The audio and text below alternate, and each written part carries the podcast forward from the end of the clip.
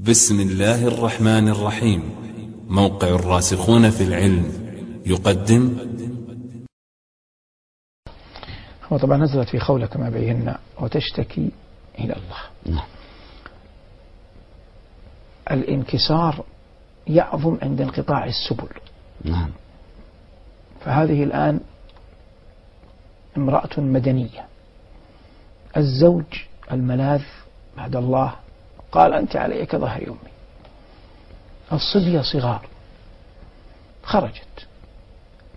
من رأس الملة رسول الله صلى الله عليه وسلم. صلى الله عليه وسلم. جلست عنده. أين؟ في داره. وعائشة تسمع. فبثته الشكوى. فرسول الله مؤدب مع ربه. ولا تقف ما ليس لك به علم. الله. لم ينزل شيء. فأخبرها بما يعلم.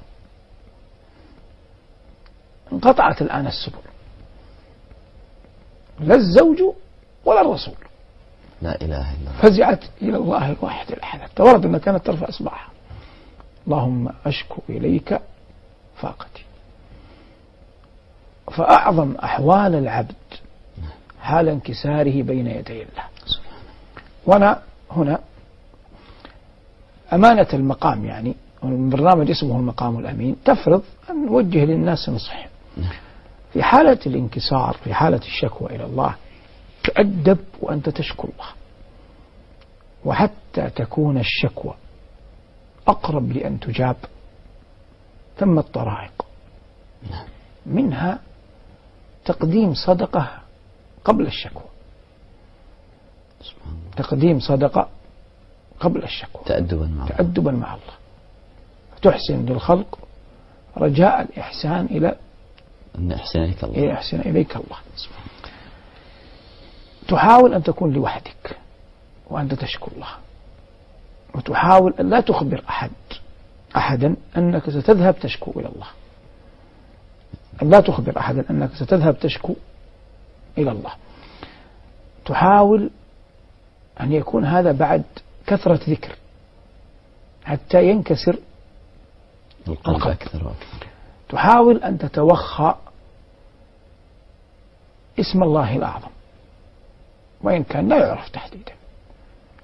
لكن مثلا قال كثير من العلماء الحي القيوم.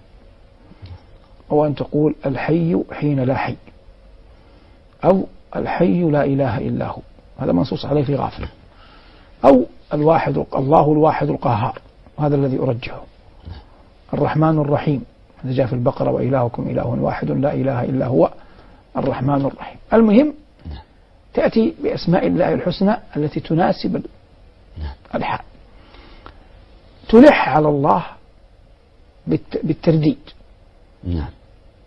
يكون الصوت خفي تسمع به نفسك. نفسك. والحالة الوضع يعني إن كان في صلاة تكون في السجود.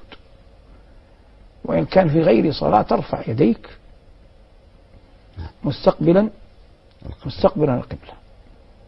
ثم تقول نجواك تقول شكواك.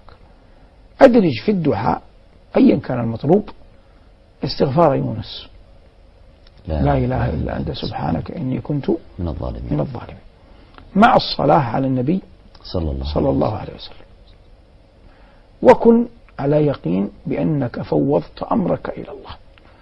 ولا ترجو مطلبا بعينه أن يقع. إنك لا تدري أين الخير. لكنك تفزع إلى الله في أن يرفع عنك هذا الضر.